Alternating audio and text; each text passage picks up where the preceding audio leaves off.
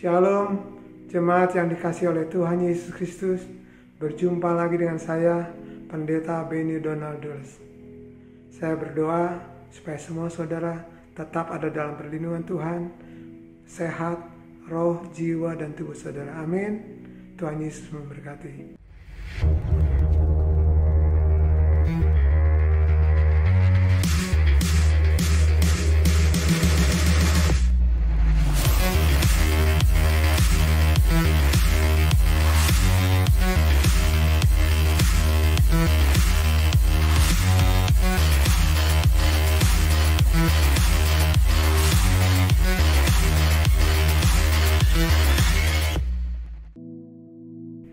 Hari ini kita belajar satu tema yang sangat penting sekali, terlebih pada masa-masa pandemi sekarang ini.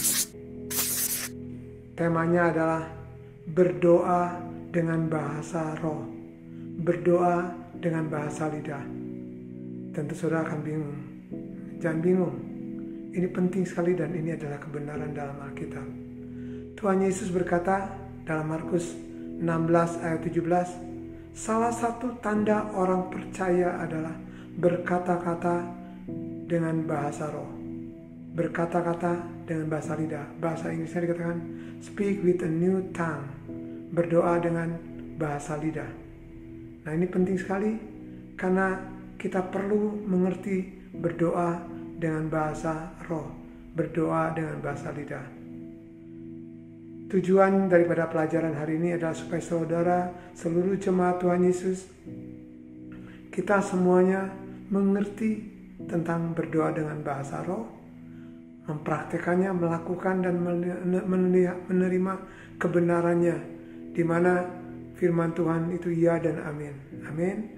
Tuhan Yesus berkata di dalam Markus 11 ayat 24. Markus 11 ayat 24. Karena itu Aku berkata kepadamu, apa saja yang kamu minta dalam doa dan doakan, percayalah, milikilah iman bahwa kamu telah menerimanya, maka hal itu akan diberikan kepadamu.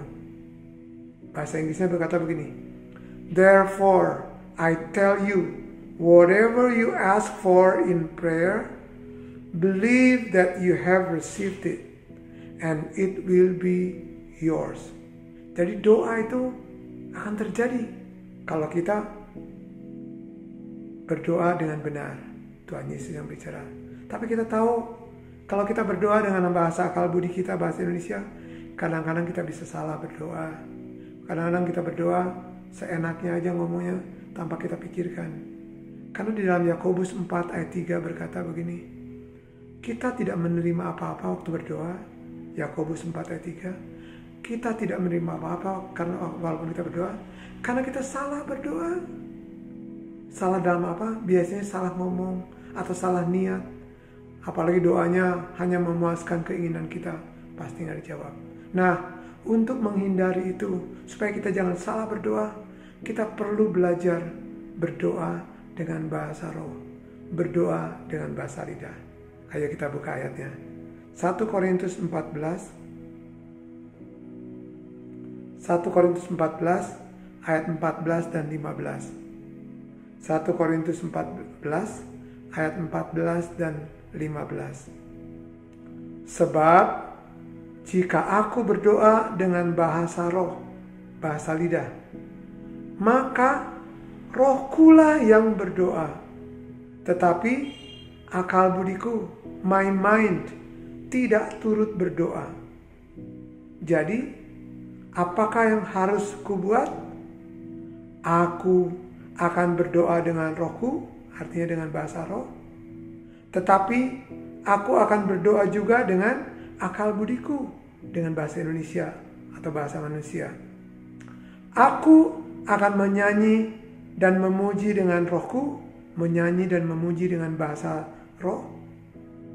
Tetapi aku akan menyanyi dan memuji juga dengan akal budiku. Di dalam ini jelas Paulus mengajarkan kita seperti dia katakan dia buat keputusan dia akan berdoa dengan bahasa roh. Dia akan berdoa juga dengan bahasa akal budi. Dia akan menyanyi dan memuji Tuhan dengan bahasa roh, dengan rohnya. Dan juga dia akan memuji dan menyembah Tuhan dengan akal budinya, dengan bahasa manusia. Nah, karena kita belajar ya.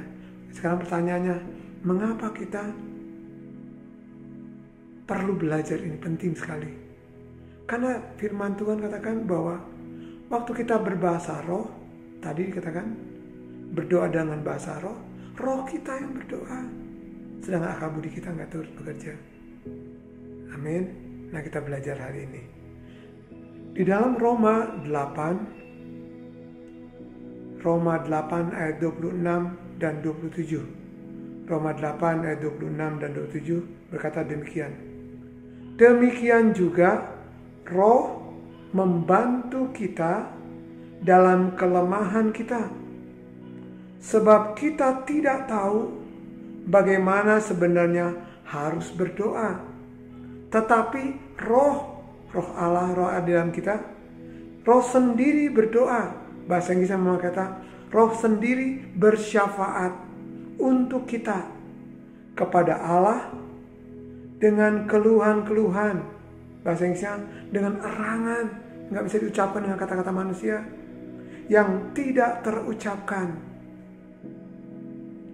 Dan Allah yang menyelidiki hati nurani mengetahui maksud roh roh waktu bersyafaat untuk kita roh itu yaitu bahwa ia roh kudus sesuai dengan kehendak Allah berdoa bersyafaat untuk orang-orang kudus.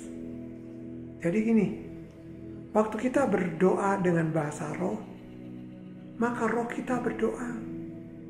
Dan pada saat itu kita berserah pada roh kudus. Dan roh kudus menolong kita. Dia bersyafaat untuk kita. Supaya doa kita itu sesuai dengan kehendak Allah. Kadang-kadang kita nggak ngerti ini sesuai atau enggak. Tapi dengan bahasa roh, di mana roh kita yang bersatu dengan Roh Kudus itu menolong kita berdoa, bersyafaat untuk kita sehingga kita tidak akan salah. Sebab waktu kita berdoa dengan bahasa roh, akal budi kita nggak ikut nggak ikut campur, nggak turut berdoa. Dengan demikian, karena kita tahu roh Allah yang di dalam kita itu, yang kita roh kita ini, kita terima dari Allah. Yang dilahirkan kembali ada roh kita. Amin. Nah, karena itu mulai saat ini, mari belajar berdoa dengan bahasa lidah atau dengan bahasa roh.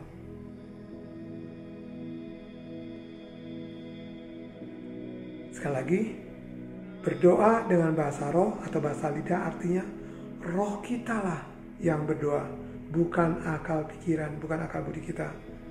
Dengan bahasa lidah, bukan dengan bahasa manusia.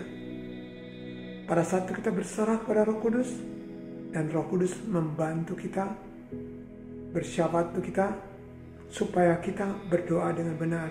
Sebab Alkitab mengatakan doa orang benar sangat besar kuasanya. Amin. Karena itu kita belajar. Saya punya kesaksian saudara supaya kamu belajar. Ya memang tentu waktu kita mulai berdoa ya nggak langsung berbahasa lidah, berbahasa roh. Kita berdoa dengan bahasa roh. Tapi kita biasanya kita berdoa dengan bahasa manusia saya bisa biasanya berdoa dalam bahasa Indonesia atau bahasa Inggris. Tapi kan sangat terbatas kata-katanya. Satu kali saya ingat saya mengunjungi saudara saya sedang koma di rumah sakit. Saya tahu dia belum terima Yesus, tapi orangnya baik. Jadi saudara saudara istrinya itu menelpon saya, tolong doakan. Jadi saya pergi ke rumah sakit. Sampai di rumah sakit, dia ada di ICU, saya mulai berdoa. Saya mulai berdoa dengan bahasa Indonesia. Kandang didengar oleh saudara saya itu. Dan orang ini sedang dalam keadaan koma. Saya mulai berdoa, tapi kan sangat, sangat terbatas. Lima menit sudah selesai, sudah habis kata-kata. Dan saat itulah saya mulai berdoa dengan bahasa lidah, dengan bahasa roh. Saya mulai berdoa dengan bahasa roh. Setelah ya Bapak terus saya berdoa dengan rasa lidah sampai saya merasa lega setelah lega sebelum saya selesai berdoa sampai amin tiba-tiba saudara saya ini siuman saudara Dia kaget, dia melihat saya dan dia tunjuk, eh dipanggil nama saya. Ya, lalu saya mulai memberitakan kabar tentang Yesus karena dia belum dia orang Kristen tapi belum lahir baru. Lalu dalam waktu kira-kira 5 sampai 10 menit orang itu terima Yesus dalam hatinya. Lalu saya bercerita tentang penebusan, tentang kalau kita meninggal ada di mana. Lalu dia terima Yesus dan saya doakan, saya kasih minyak, urapan. Dan kemudian nggak lama kemudian kakak saudara saya ini menelpon bahwa sudah dicabut infusnya. Sebentar selangnya dari sana dia kelihatan segar sehat. Saudara sepanjang hari itu dia mulai segar mulai sehat. Lalu kemudian besoknya tapi saya dengar so besok sorenya dia meninggal dunia. Saya bersyukur dia masih diberi kesempatan untuk menerima Tuhan Yesus dan saya percaya setiap orang yang meninggal di dalam Tuhan dia akan dibawa ke Taman Firdaus.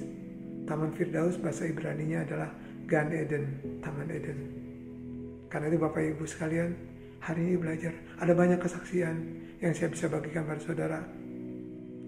Waktu saya menghadapi bukan hanya masalah penyakit, tapi masalah apa saja.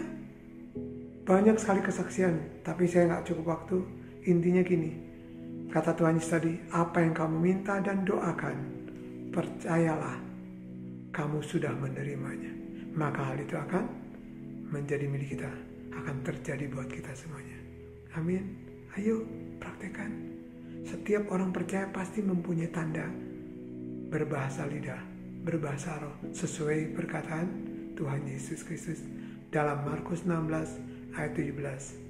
Mari praktekkan. Saya percaya ada banyak sudah terlebih seperti saat ini banyak kebutuhan kita. Kita berdoa dalam bahasa Indonesia dan bahasa Inggris. Lalu kalau sudah habis mulai berkata-kata dengan bahasa lidah, berdoa dengan bahasa lidah sampai merasakan lega, udah enak. Artinya di situ Roh Kudus sudah ambil alih dan Roh Kudus bersyafaat untuk kita semuanya. Amin. Bapak Ibu sekalian, biarlah pelajaran hari ini jadi sangat penting. Jadi awal saudara mengalami doa orang benar sangat besar kuasanya. Amin. Mari memulai mempraktekannya dan mengalami kebenaran. Berdoa dengan bahasa lidah, berdoa dengan bahasa roh. Papa berdoa untuk seluruh jemaatmu, semua yang mendengar firman ini. Biarlah kebenaran firman Tuhan, tanda orang percaya berbahasa lidah, mereka mulai berdoa dengan bahasa roh seperti yang dikatakan oleh Rasul Paulus di dalam 1 Korintus 14 semua jemaat semua yang mendengar berita ini mulai dengan sungguh-sungguh percaya bahwa ada Roh Kudus di dalam kami dan Roh Kudus membantu kami bersyafaat untuk kami dan kami mulai berdoa dengan bahasa roh dengan bahasa lidah.